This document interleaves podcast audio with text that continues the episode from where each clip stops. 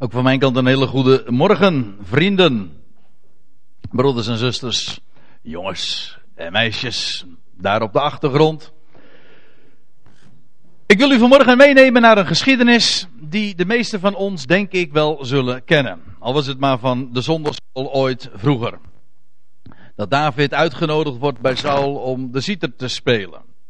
Maar wat wij gaan doen is maar niet alleen het verhaal lezen en zo enkele toelichtingen daarop geven. Maar we willen ook werkelijk, dat klinkt misschien wat zwaar, zwaarder dan dat het in werkelijkheid is. Want het is in wezen een eenvoudige bezigheid. Maar we gaan onderzoeken. Dat wil zeggen, we lezen dat wat er staat geschreven, dat is één ding. Maar wat ligt er onder die oppervlakte allemaal aan rijkdom verborgen? Hoe wijst deze geschiedenis op de grote zoon van David? Ik kan u op voorhand al verklappen, dat is op een schitterende wijze het geval. David op de zieter, zo heb ik erboven geschreven. Dat heb ik als titel aan deze bijeenkomst, aan deze studie meegegeven. En u vindt die geschiedenis in 1 Samuel 16, vanaf vers 13 tot 23. Eigenlijk vanaf vers 14 tot 23, maar dat 13e vers neem ik er nog even bij om het in een goede samenhang ook te zien. Die eerste versen trouwens, de 1 Samuel 1, 16 eh, vers 1 tot en met 13, daar wordt voor het eerst David geïntroduceerd en Samuel gaat op weg naar Bethlehem en naar de familie van Isaï die we tot dusver helemaal niet kenden. En dan wordt David uitgezocht en David wordt uiteindelijk gezalfd. Niet al die oudere broers van hem, hij was niet die zeven broers die ouder waren dan hij, nee, de achtste. Ja, anderen zeggen het was de zevende, dat is nog een verhaal apart. Maar goed, daar zullen we het nu even niet over hebben. Elk David wordt gezalfd. En dan komen we dus in vers 13. En dan lezen we, en Samuel nam de oliehoorn en zalfde hem, dat wil zeggen David, zoals dat op dit mooie plaatje wordt geïllustreerd, hè, een, een hoorn. Hij nam de oliehoorn en zalfde hem met olijfolie. Zo, zo weten we. De priesters werden daarmee gezalfd. Koningen werden daarmee gezalfd. En dat heeft allemaal weer te maken met de schitterende betekenis van de olijfboom. En van olijven en olijfolie. En hoe, welke functie olijfolie allemaal niet heeft in de Bijbel. Het geeft licht. Vroeger was het het brandstofmiddel bij uitstek. In de tabernakel ook de kandelaar, en die, werd, die, die werd brandende gehouden, die gaf licht. Waarom? Door olijfolie. Door gestoten olijfolie. Heeft alles te maken. Uh, u weet ook toch dat olijfolie in de Bijbel, niet alleen in de Bijbel, maar een, een, een geneeskrachtige werking heeft. Het heeft alles te maken met, met, met leven dat sterker is dan de dood. Een olijfboom is ook zo'n boom die niet doodgaat, weet u wel? Die zichzelf, zo heet dat in de, in de biologie, regenereert. Hij overwint de dood. Prachtig embleem. Daar spreekt olijfolie van. David werd daarmee gezalfd. En dan staat er, uh, hij werd daar gezalfd te midden van zijn broeders, die ongetwijfeld dat toch met leden ogen hebben aangezien. En, en dan wil ik, wil ik nog even speciaal wijzen ook op het feit dat het een oliehoorn was. Een hoorn des, van olie staat er dan in het Hebreeuws. Een hoorn. Want dat is opmerkelijk, weet u waarom? Omdat we eerder lezen dat Samuel al, dat was 40 jaar daarvoor, Saul had gezalfd. Ook met olijfolie. Maar dat was niet met een hoorn gebeurd, maar met een kruik. Ja, dat lees je in 1 Samuel 10, dus een aantal hoofdstukken eerder. En dan lees je in 1 Samuel 10, vers 1, toen nam Samuel de oliekruik goot haar uit over zijn, dat wil zeggen Sauls hoofd. En hij kuste hem en zeide, heeft de Heere u niet tot vorst over zijn erfdeel gezalfd? Tijdelijk overigens, want uiteindelijk zou het koningschap naar het huis van David gaan. Voor altijd. Maar, ja, en dat is, als ik dat zo zeg, dan geef ik daarmee feitelijk ook meteen al de verklaring aan. Want een kruik in de Bijbel, een aardevat, heeft te maken met vergankelijkheid. Iets wat voorbij gaat. Wij hebben, zegt Paulus, om maar een voorbeeld te geven, wij hebben een schat. Ja, hier binnen. Zijn woord, het kennen van hem, dat is een schat. Dus dat pakt ook niemand van je af. Maar het is, dat moeten we erbij zeggen, en daar worden we vrijwel dagelijks, daar worden we dagelijks mee geconfronteerd. We hebben een schat in aardevaten. Dat is dit lichaam. Een aardevat, breekbaar, broos. Niet alleen maar, het is niet alleen maar breekbaar, het wordt ook gebroken. Het is ook aan, aan verval onderhevig. Dat, dat kun je bij jezelf vaststellen. Dat kun je, kunnen we bij elkaar vaststellen. Dat is gewoon een gegeven. Het is een aardevat. Een aardevat heeft te maken met vergankelijkheid. Altijd in de Bijbel. Dat, en dat, he, dat ziet ook inderdaad op dat koningschap van Saul. Dat was een vergankelijke aangelegenheid. Dat wil zeggen, de, de koningschap, het koningschap kwam aan hem toe, maar voor een tijd. Dat was op voorhand stond dat al vast. Het volk kreeg een koning naar zijn hart. nee, ik moet het anders zeggen, naar haar hart. En pas later zou God de koning kiezen naar zijn hart. En dat is dan, en dat vindt dan plaats met een hoorn. Eh, een hoorn, een ramshoorn is dat. Een hoorn in de Bijbel, nou, je zou het in de psalm eens na moeten lezen. Hoe vaak David dat ook niet zegt. Gij hebt mij, hoe, vaak staat het niet in de psalmen? Gij hebt mij een hoorn verhoogd, een hoorn des heils. Of later in, in het boek Samuel lees je ook dat God als, als Samuel, nee, nou moet ik het goed zeggen. Als David in de benauwdheid is en voor Saul moet vluchten, dan zegt hij, oh God, gij zijt mijn, mijn steenrots. En dan zegt hij, de hoorn van mijn heil. Dat wil zeggen, de hoorn van mijn redding de horen. En dat herinnert aan het begin van zijn carrière als koning. Toen God hem uitgekozen had te midden van zijn broeders. Een hoorn. Een hoorn spreekt van koningschap, altijd. Eh, als je niet geloven wil, dan moet je dat maar eens een keertje in Daniel lezen. Dan lees je ook nog eens een keertje van die geschiedenis, nee, van die visioenen over een ram en een bok.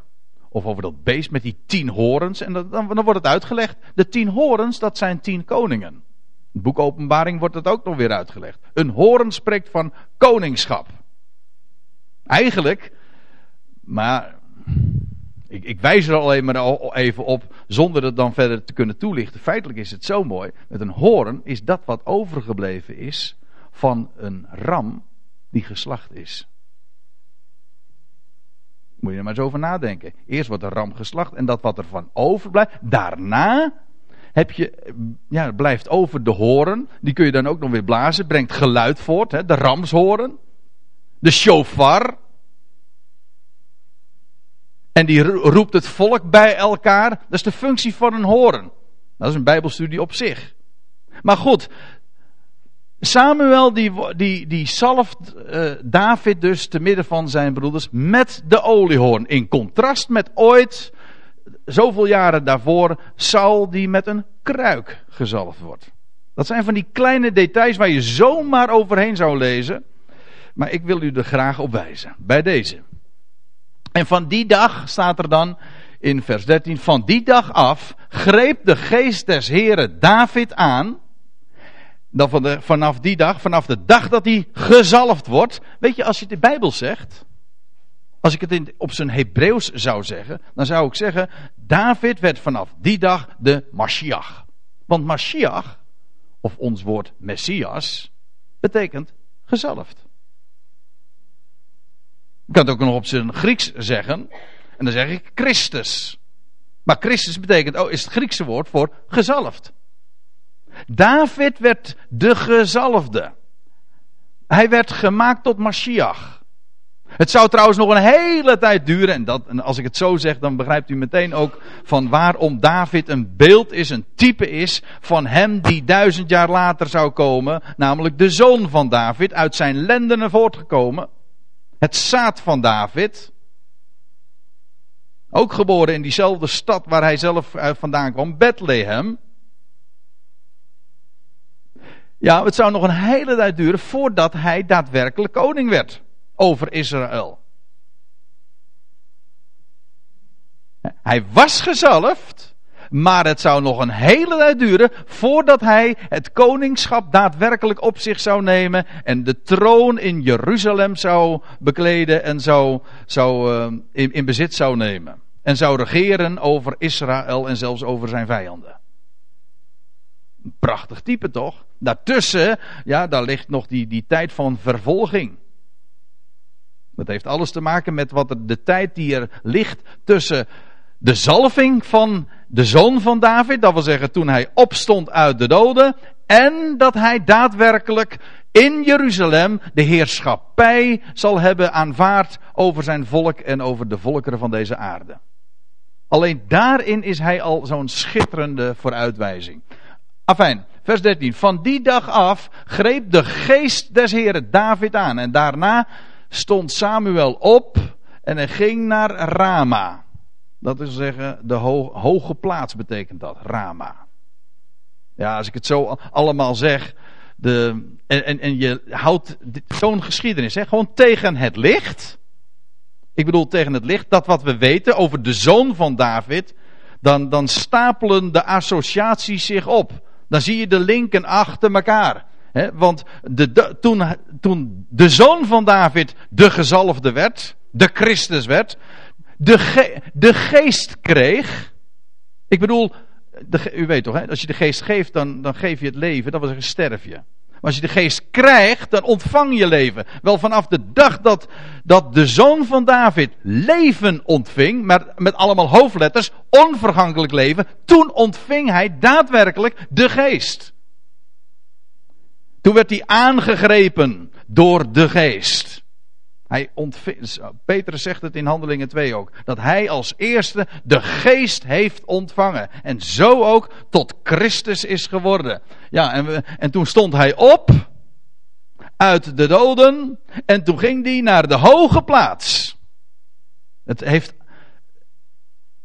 het heeft alles met elkaar te maken. En Samuel en David, in feite is, is één plaatje in dit geval. Degene die Israël richtte en degene die Israël zou gaan richten en koning over haar zou worden. En, en, en die, die associatie van zalving, de, de geest des Heren ontvangen, opstaan, hè, het gaan naar de hoge plaats. Het spreekt van de zoon van David, van de Heer Jezus Christus. Ja. En dan staat er in vers 14, want we moeten natuurlijk wel wat verder gaan. Uh, maar van Saul was de geest des Heren geweken. Dus aan de ene kant vind je dus in vers 13 dat vanaf die dag de geest des Heren David aangrijpt.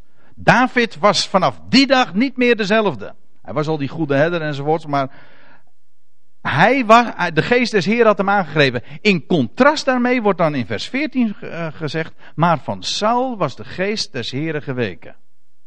En dan vind je als toelichting op dit gegeven van wat u hier leest, de geschiedenis die hier vervolgens wordt beschreven.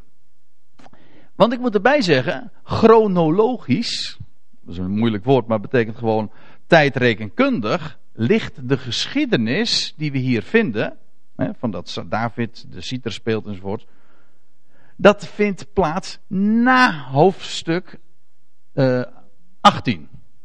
Dat wil zeggen, ik zal het even voorlezen. Chronologisch vindt dit gedeelte, vers 13 tot en met 23, plaats na het verslaan van Goliath. Dat blijkt gewoon als je dit gedeelte goed leest en vergelijkt met het navolgende. De plaatsing van deze pericoop, van deze passage, van, dit, van deze verse, is thematisch. Dat wil zeggen, uh, het, het, het is een toelichting op het gegeven dat aan de ene kant David de geest ontvangt en bij Saul wijkt juist de geest. En daarom wordt dit gedeelte hier geplaatst. Dat heeft een thematische reden. Thematisch volgt dit, volgen deze twee elkaar, gegevens elkaar op. Maar in de tijd hoort dit geplaatst te worden na hoofdstuk 18. Dat blijkt uit allerlei details in dit gedeelte. Dan lees je bijvoorbeeld in dit gedeelte dat David geroepen wordt. U zult straks vanzelf nog wel zien. Dat David geroepen wordt en er wordt gezegd van ja, David is een geweldig krijgsman. Krijgsman? Hoezo? Ja, dat is niet zo gek. Inmiddels had hij de grote, die grote reus, Goliath al ontsla uh, ontslagen, moet je mij horen. Ja, hij was ook uit zijn functie gezet, dat is waar. Maar ik bedoel verslagen. Zijn kop eraf. Ja. Die vervolgens, u weet, afgehakt werd en naar Jeruzalem gebracht werd. En sindsdien is daar een hoofdschedelplaats. Nou ja, afijn. Dat, moet je, dat zeg ik even ter toelichting, want anders snap je sommige details in, in, in dit gedeelte en ook in de navolgende hoofdstukken niet. Ik wijs er alleen even op dat dit tijdrekenkundig na hoofdstuk 18, uh, vers 2 tot 4 geplaatst moet worden.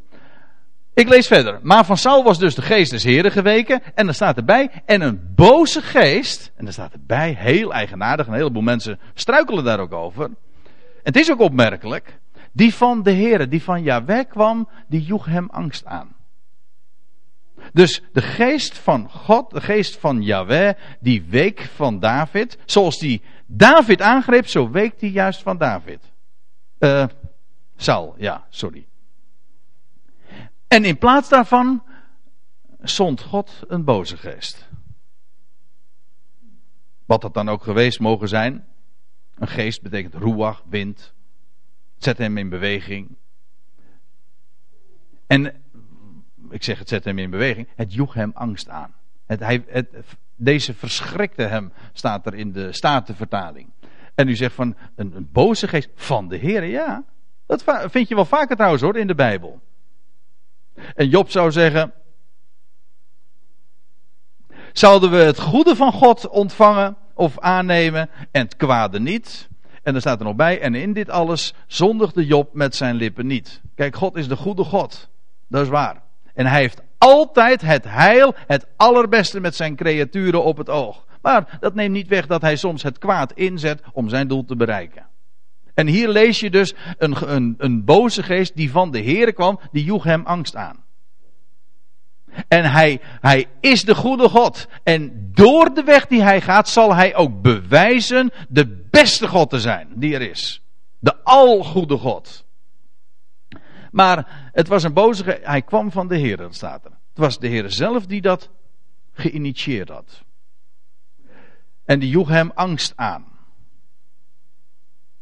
Als als je dit ook weer tegen het licht houdt, ik bedoel, ziet in het licht van het, het Nieuwe Testament, dan zie je, dat wil ik straks nog wel even wat nader toelichten, maar ik wil er nu alvast even op wijzen. Saul is een type van de heerschappij van het tijdelijke verbond. Dat klinkt misschien wat ingewikkeld als ik het zo zeg. Maar eigenlijk, kijk, het komt erop neer. David wordt gezalfd.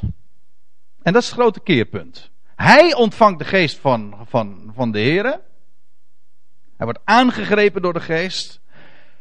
En vanaf dat moment wijkt de geest van Saul en, en krijgt hij daarvoor in de plaats een boze geest. Die hem angst aanjoeg. Het, is, het staat model feitelijk voor de zoon van David, die gezalfd werd, die aangegrepen werd door de geest van de Heer en die opstond uit de doden en de heerlijke Messias is, daarboven op die hoge plaats. Ja, en maar de heerschappij die voorheen gold, dat wil zeggen tot de opstanding van de Heer Jezus, de heerschappij van het oude verbond, die trouwens altijd al bedoeld was voor een tijd. Niet voor, voor altijd, nee, het, zoals Paulus dat uiteenzet in de gelaten brief, God heeft aan Israël, de, hij heeft er een verbond mee gesloten. Bij de Sinaï, en hij heeft hen de wet gegeven niet om de mensen beter te maken. Dat wordt altijd maar verteld. En God gaf de wet aan Israël. Eh, opdat hij legde de wet op aan het volk om de zonde in te dammen. Nou, je zou Paulus' commentaar eens erop moeten lezen. In Romeinen 5 bijvoorbeeld.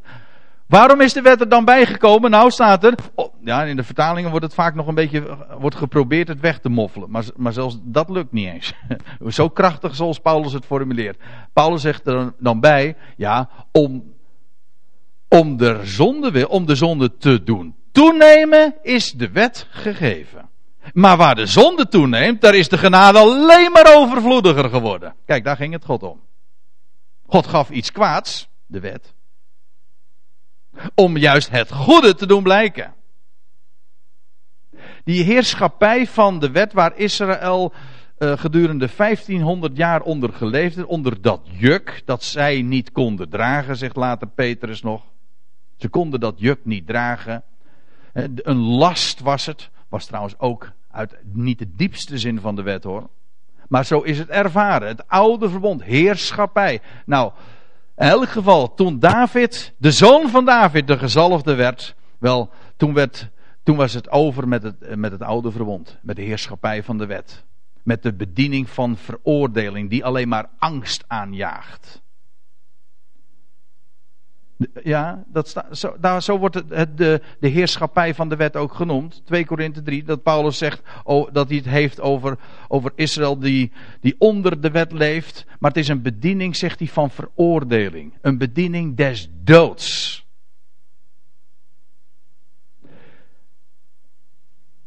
Zo wordt dat, uh, zo wordt dat genoemd. En, en daar is eigenlijk Saul ook een, een, ja, een, een beeld van.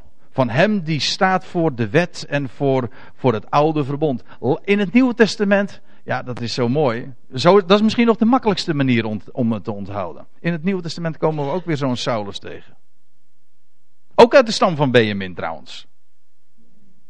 Ja, uit de stam, ook Saulus, deze Saulus komt uit de stam van ben, Benjamin, maar de Saulus die ik ken in het Nieuwe Testament ook, dat was ook die man, weet u wel, die Saul, Saul, die, die de zoon van David vervolgde. En die zo'n hartstochtelijk ijveraar was voor zijn voorvaderlijke overleveringen, die het in het Jodendom verder gebracht had dan vele van zijn tijdgenoten. Eigenlijk die, een man die de belichaming was van het oude verbond. En hij wilde er aan vasthouden. Totdat hij in zijn kraag gegrepen wordt. Saul, Saul, wat vervolg je mij? Nou, dat was, daar staat Saul voor. Voor, de, voor, voor, die, voor het oude verbond. En dat vasthouden aan het oude verbond. Maar joeg hem angst aan. Ja. Ik lees even verder. Toen zeiden de dienaren van Saul tot hem. Zie toch, een boze geest van God jaagt u angst aan. Kan je, ik, je probeert je zo'n geschiedenis wat, wat voor te stellen hoe dat gegaan is. Maar, maar Saul die is, is aan, ja, die, die, die krijgt dan zo'n boze geest over zich. En, en dan wordt hij verschrikt. En uh, raakt hij ook in de put. Lezen we in, in andere gedeelten of woorden van gelijke strekking. Nou goed, en dan zijn het zijn hofdienaren die hem een advies geven. Hij zegt: uh, Zie toch, een boze geest van God ja, jaagt u angst aan. En laat onze Heer toch zeggen dat uw knechten die in uw dienst staan, iemand zoeken die op de citer kan spelen. Als dan de boze geest van God over u komt, dat is heel gek hè, ze zeggen, als dan die boze geest Gods, Gods over u komt, uh, dan moet hij die bespelen en dan zult u zich beter voelen. Maar eventjes over dat woord citer. Hè. Het woord citer in het Hebreeuws, dat is kinor. En dat komen we nogal eens een keertje tegen. De, de, de citer speelt in het leven van David natuurlijk een hele grote rol. Ook later nog als hij koning is. En David heeft bij snarenspel heel veel liederen ook gecomponeerd en geschreven. Maar in het leven van de zoon van David speelt de kinoor ook een hele grote rol. Ja, op een andere wijze. Maar niettemin wel degelijk. Want ja, waar vond het, het grootste gedeelte van, de heer, van het leven van de zoon van David plaats? Zoals we dat beschreven vinden in de Evangelie. Ja, dat was daar rondom het meer van Genezeret. Ja, het heet de zee van Tiberias of het meer van Galilea. Maar het heet doorgaans, en dat is de Hebreeuwse benaming feitelijk, het meer van Genezeret. Maar het meer van Genezeret, dat komt van het Hebreeuwse woord Kinneret. En dat is afgeleid van Kinor. En dat is niet zo moeilijk waarom dat meer zo heet. Het is namelijk gewoon een, een harp. Het heeft de vorm van een harp. Dus als je leest over het, dat, dat de Heer Jezus daar, daar zat bij de zee van, of bij het meer van Genezeret, dan klinkt daar in het Hebreeuws de, de benaming van de harp gewoon door. Dus zoals in het leven van David de harp zo'n grote rol speelde en David woorden zong bij de harp, ja, zo heeft de zoon van David het woord doorgegeven, ook bij de harp. Namelijk bij, de, bij Kinneret. En ja, je zou dat zo eens in de, in de psalmen moeten opslaan. Maar dan lees je bijvoorbeeld in Psalm 49: Ik zal mijn geheimenis bij de citer, de kinoor, ontsluieren. Maar wat deed, wat deed de zoon van David? Die deed niks anders. De zoon van David die, die, die ontsluierde ook geheimenissen. Dan ging hij bijvoorbeeld naar de, de zee van Kinneret, of het meer van Kinneret, van Genezeret. En wat deed hij dan? Toen ging hij gelijkenissen vertelden. Verborgenheden, ja, geheimenissen. En dan ging hij bijvoorbeeld zitten bij de zee, lees je. En dan eh, heel demonstratief ging hij. Ja, hij, eerst was hij aan de kust en dan ging hij in een bootje. Stak hij eh, van wal. Mooi, mooi gezegd hè. Hij stak van wal dan. En dan ging hij vanaf de, het scheepje. Ging hij de scharen toespreken. En dan ging hij een gelijkenis vertellen. En dan staat er nog bij, en hij vertelde hen gelijkenissen, maar hij verklaarde het er niet. Later afzonderlijk vertelt hij het wel aan de twaalfen. Dat zijn schutterende dingen. Daar bij de Kinneret, bij de, bij de Citer vertelt de Heer gewoon een geheimenis. Maar ik zal u vertellen, hij demonstreerde het ook. Ze, ze hadden het gewoon voor hun eigen ogen kunnen zien. Want het feit dat hij daar vanaf de zee de scharen op het land toespreekt, dat is een beeld van de tegenwoordige tijd. Waarin het heil naar de Volkerenzee is gegaan. En vanaf de Volkerenzee wordt het volk op het land toegesproken. Nou ja, daar gaat het nu verder niet om. Ik wil alleen maar even aangeven. De, dus David die sprak geheimenissen bij de citer. En hij zong muziek daarbij. Maar het is de zoon van David die ook geheimenissen, het woord deed klinken bij Kinneret. Bij de harp, bij de citer. Ja. Goed, ik lees nog even verder. Vers 16. Die, die, die hofdienaren die zeggen dus van laat onze Heer toch zeggen dat uw knechten die in uw dienst staan iemand zoeken die op de citer kan spelen. Als dan die boze geest gods over u komt, moet hij die bespelen en gij zult u beter voelen. Wil ik nog iets zeggen erover? Want wat zo bekend is van David is, zijn natuurlijk de psalmen. Maar het woord psalm, dat is eigenlijk een Grieks woord. En dat is, ons woord psalm, dat komt uit het Griekse woord psallo. En psallo betekent eigenlijk gewoon uh, tokkelen bij een, een snaarinstrument. Of meer in het algemeen gewoon muziek maken, musiceren. Dat is eigenlijk wat een psalm is. Soms is het ook helemaal niet duidelijk of het dan gaat over de psalmen in het Nieuwe Testament. Ik bedoel de 150 psalmen zoals we die aantreffen in, in, onze, in onze Bijbel. Of gaat het gewoon in het algemeen over muziek of muziek maken? Je leest, in, om een voorbeeld te geven, in Romeinen 15. Daar, daar wordt geciteerd uit het Oude Testament. En dan zegt Paulus, daarom zal ik u loven onder de heidenen en uw naam met snarenspel prijzen. Daar staat het in het Grieks het woordje psallo. Ja. Maar als je dan in de Statenvertaling dat leest, dezezelfde, ditzelfde gedeelte, die vertalen het met lofzingen. En als je een concordant version hebt, die het gewoon, uh, daar is het concordant voor, uh, consequent weergeeft, die zeggen playing music. Dus muziek spelen. Daarom zal ik u loven onder de natieën en aan uw naam en voor uw naam muziek spelen. Dat is eigenlijk wat psalm is. Muziek spelen, muziek maken. En ik zal nog een voorbeeld geven. Jacobus 5. Daar lees je, dat is mooi hoor. Heeft iemand onder uw leed te dragen, hij zal laten bidden.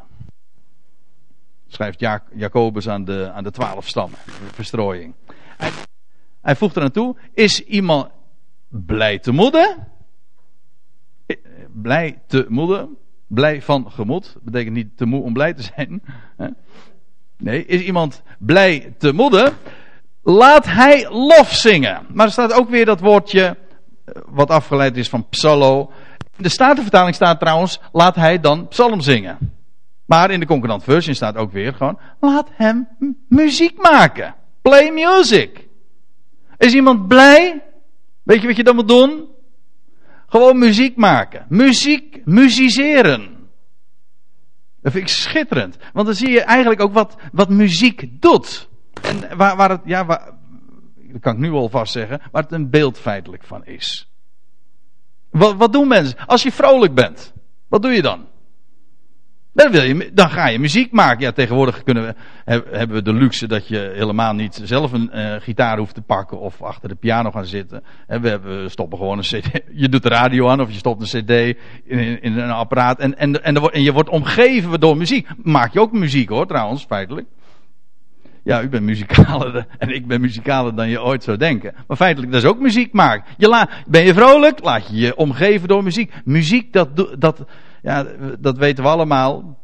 Eh, muziek, dat raakt je tot, op, tot in het hart. Muziek is, is een gave gods. Omdat een muziek je werkelijk ook je stemming kan veranderen. Nou, daar, dat wordt er tegen Saul ook gezegd. Muziek kan je blij maken. Dat is ook eh, je, je, kan ook, je hoort ook wel eens een keertje ding klanken. Dan zeg je dat maakt muziek. Maakt muziek, ja. maar dat vind ik ook geen muziek. Muziek is dat wat je blij maakt. Hè?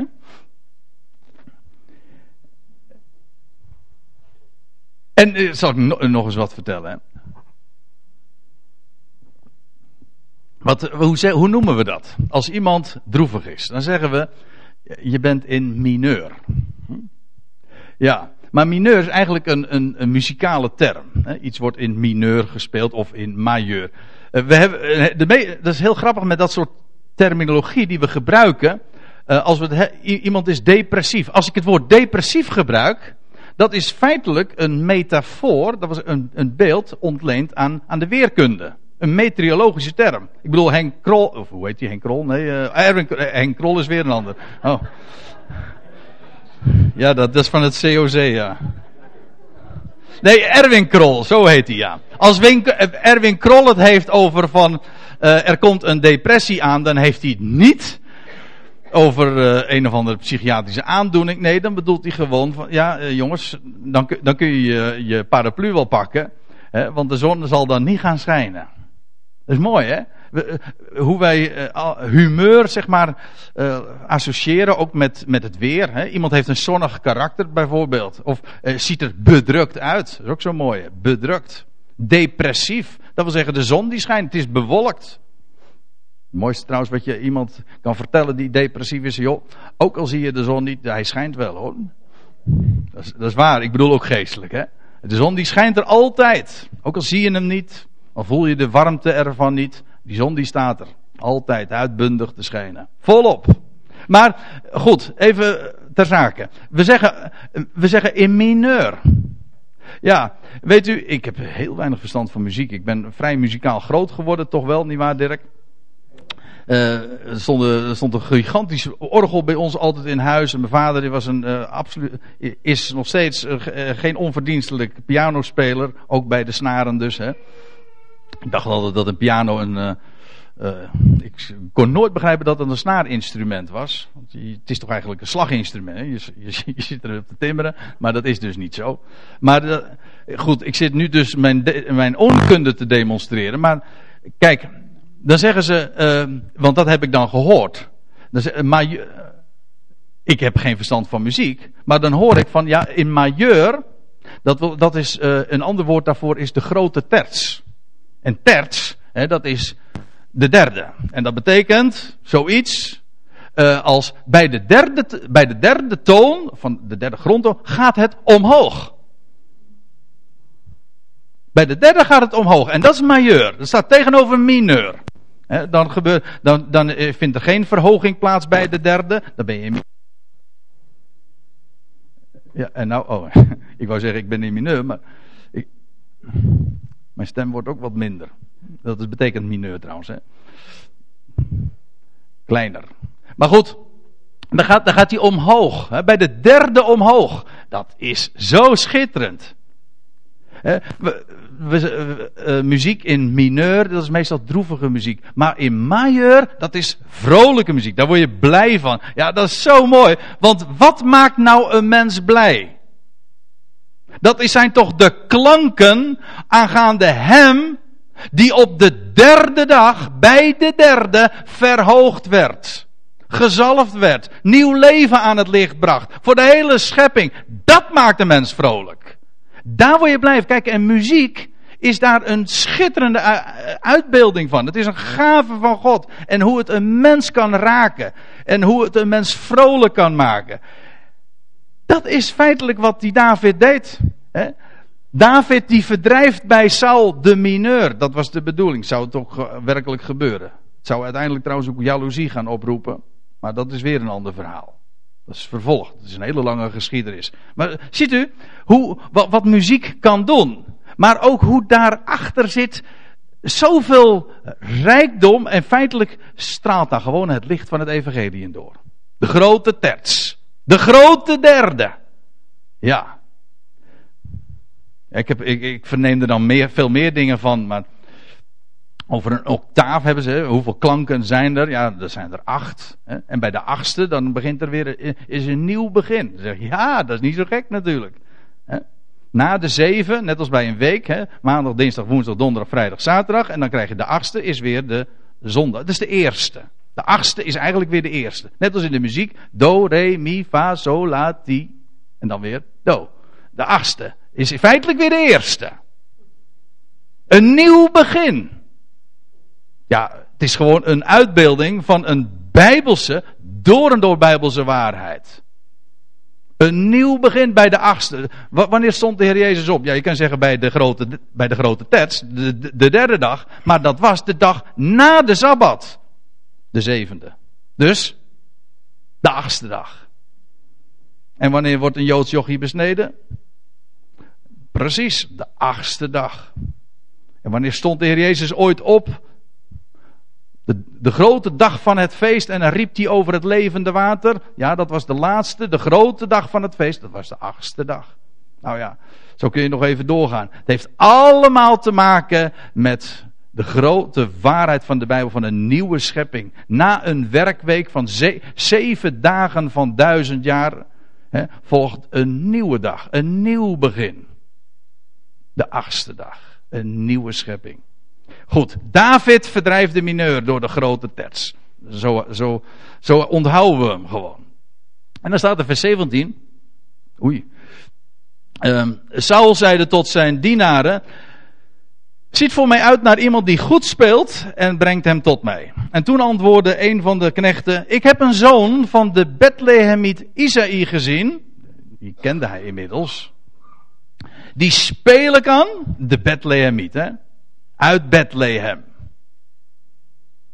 Uit het broodhuis. Die spelen kan. Hij is een dapper held. Ja, van, hem, van David lees je ook dat hij ja, zijn leven inzette voor zijn schapen. Daarbij zelfs een, de, een leeuwen en beren verscheurde. Wij zeggen het wel eens van een, iemand eh, van een held op sokken. Nee, hij, hij versloeg letterlijk leeuwen en beren. Hij was een krijgsman. Ik zei al, deze geschiedenis moet chronologisch geplaatst worden na de, het verslaan van, van Goliath. Goed, hij is een krijgsman. Wel ter dat wil zeggen, hij hanteert het woord goed. Hij brengt een goed woord voort. Schoon van gestalte en de Heere is met hem. Dat, is wat, dat was onmiskenbaar. Nou, is dit een prachtig plaatje van de zoon van David. De man uit, ik ken eigenlijk maar uiteindelijk gaat het in de hele Bijbel maar over één iemand. En dat is een man uit Bethlehem. Die geweldige klanken kan voortbrengen. Die wel ter tale is, die een goed woord spreekt. Een dapper held is. Een krijgsman die de overwinning behaalt. En die schoon van gestalte is moet dan meteen denken aan het boek Hooglied. Alles aan hem is schansbegeerlijk. Alles. Schoon van gestal. En de Heere is met hem. Ja, wat dacht je wat? De Heere zegent hem in alles. Die man, die, daar, die, wat de hofhouding tegen Saul zegt, bij hem moet je wezen. Bij hem moet je wezen.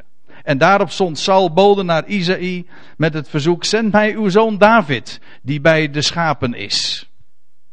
Ja, dat was hij. Hij, was, hij zou koning over Israël worden, maar hij was ooit hè, die, die schaapherder. Die goede herder, zo wordt hij beschreven. Die zich zijn leven inzette voor de kudde. Daarom was hij ook zo'n goede koning later. Hij begon ooit als herder. Ja, en dan lees je, toen nam Isaïe, want dat was de vader van David, de Heere leeft betekent zijn naam, de Heere leeft. Dat is mooi, als je in Jezaja leest over, er zal een, een scheutje, Jezaja 11 vers 1, er zal een scheutje, we hebben daar een, een, drie kwart jaar geleden wel eens een keer bij stilgestaan over die Nazireër, die Netzer. Sommigen van u herinneren zich dat wellicht. Er zal een scheutje voortkomen uit de afgehouwen tronk van Isaïe. Ja, want de Heere leeft. En hij maakt ook levend. En al mag een, een stronk, die stamboom van Isaïe, dan helemaal afgehouden zijn. En een einde gekomen zijn, lijkt het aan het koningshuis van David. Ja, maar God, God brengt nieuw leven voort.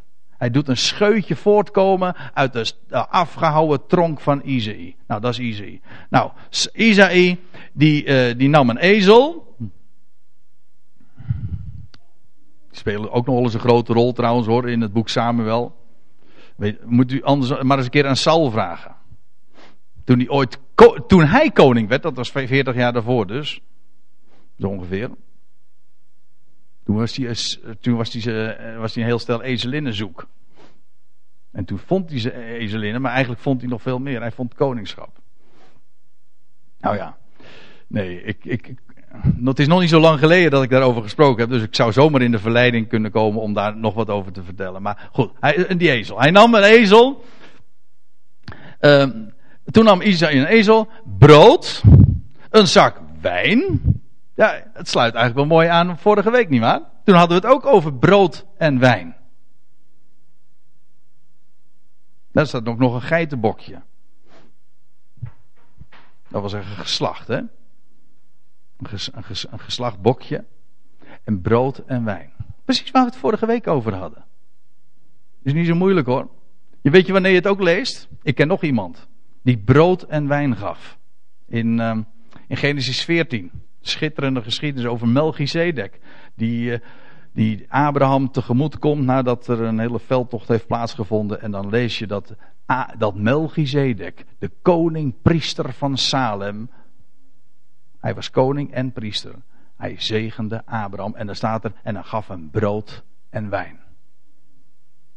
Leven. Leven en overvloed. Want dat is waar het van spreekt. Nou, ik hoef niet te herhalen wat we vorige week hebben gememoreerd. Maar het spreekt uiteraard van de zoon van David, de grote overwinnaar. Toen nam Isaïe een, een, ezel, brood, een zak wijn. Zeg, doe je dat in zakken? Ja hoor. In de Bijbel wel. Ja, je moet geen oude wijn in nieuwe zakken doen. Dat was het toch? En ook niet, geen nieuwe wijn in oude zakken. nee, ja, als u aan oude zakken denkt, dan denkt u niet eh, aan iemand heel anders natuurlijk. Nee, maar goed. Uh, toen liet hij dat uh, door zijn zoon David aan Saul brengen. Dat wil zeggen, Saul, aan Saul wordt iets geweldigs aangeboden. Dat, dat, die heerschappij van hem kwam ten einde. En Saul zou dat, moeten zou dat erkennen. Het was ook het allerbeste. Want de Heer had iemand die beter was dan hij. Die, die, die uh, had hij uitgekozen. Ja. David, die brengt dat allemaal mee voor, voor, voor Saul en nog zoveel meer, want, want wat lezen we? Toen kwam David bij Saul en hij werd zijn dienaar en deze hield veel van hem in aanvang. En hij werd ook zijn wapendrager. Ook dit is trouwens precies wat ik al eerder aangaf als het gaat om de plaatsing van dit gedeelte. Want in 1 Samuel 18 daar lees je, Jonathan trok de mantel uit die hij droeg en hij gaf die aan David. Jonathan was de zoon van Saul hè. En ook, en ook zijn wapenrok gaf hij aan hem, zelfs zijn zwaard, zijn boog en zijn gordel. Hij werd de wapendrager van Saul. Nou, en dan lees je, en daarop stond Saul tot Isaïe de boodschap, laat David toch in mijn dienst blijven, want hij heeft mijn genegenheid, mijn genade, in, hij heeft gen, in, in de Statenvertaling staat er, hij heeft genade in mijn ogen gevonden. En telkens, dat is het laatste vers van dit gedeelte. En telkens als die geest gods over Saul kwam, ja, die, die boze geest dus, hè. Als die, als die boze geest over Saul kwam, nam David de citer. En hij speelde, dat een lieve lust was, ben ik geneigd erbij te denken. En het schonk Saul verlichting. En hij voelde zich beter en de boze geest die week van hem. Jij pleegt het nog wel eens een keer te zeggen, Huip. Hè? Als, we hier begin, als we hier dan samenkomen en zeggen van laten we eerst de boze geest eens verdrijven. Hm? Dat wil zeggen, laten we een lied zingen. Ja, dan gaan we in majeur zingen. Ja, dat is, is hier een ontleen natuurlijk. Kan niet missen. Ja, het beste advies. Wat ik kan geven aan mensen die in mineur zijn, die depressief zijn. Dan zeg ik van, weet je wat je dan moet doen? Er zijn misschien hier ook wel mensen die daarmee tobben. Zeg, ik ben ook wel eens in mineur. Hm? Weet je wat je dan moet doen? Dan moet je die man uit Bethlehem uitnodigen. Die sterke held. Die wel ter tale is. Die schitterende klanken voortbrengt. Die mooie, ja, die een boodschap brengt die als, dat als muziek in de oren klinkt. Dat is de, dan, die speelt de grote terts. En dat is muziek. Dat geeft rust. Want dat is wat muziek toch allemaal met een mens kan doen. Ja, maar waarom doet dat muziek? Omdat muziek een beeld is van de lieflijke klanken van het woord van God. Die een mens tot in het hart raakt. En rust geeft. Harmonie. Dat is ook zo'n muzikale term. Harmonie geeft. Blijdschap geeft. Blij maakt. Dat is wat die zoon van David doet met op de zieter. En, in, een, in een wereld waar we allemaal, waar, waarbij het nieuws wat we volgen en de dingen die je meemaakt, je zo kunnen deprimeren. In mineurstemming. Stemming is ook een muzikale term trouwens. Hè? Die je in mineurstemming brengen. Ja, weet je wat je dan nodig hebt? Iemand die de citer kan spelen. En de man uit, dus uit Bethlehem wel ter die een goed woord spreekt, een sterke held. Hij is de grote overwinnaar. En hij brengt klanken voort en de boze geesten verdrijven. En, en het maakt plaats voor genade, dat wil zeggen blijdschap, voor vreugde en vrede, die alleen hij kan geven. Amen. Ik stel voor trouwens dat we daar een prachtig lied over zingen. Ton, over daar juicht een toon. Ik heb dit lied heel bewust gekozen. Daar juicht een toon. Daar klinkt een stem. Die galmt straks hè, door gans Jeruzalem. Want dan wordt Jeruzalem ineens eh, gewaar dat de zoon van David is opgestaan. Die grote derde. Hè, de grote terts. Geen graf hield Davids zoon omkneld. Hij overwon. Die sterke held, die krijgsman. Hij steeg uit graf door vaders kracht. Isaï. Jesse. De Heere leeft, want hij is God bekleed met macht.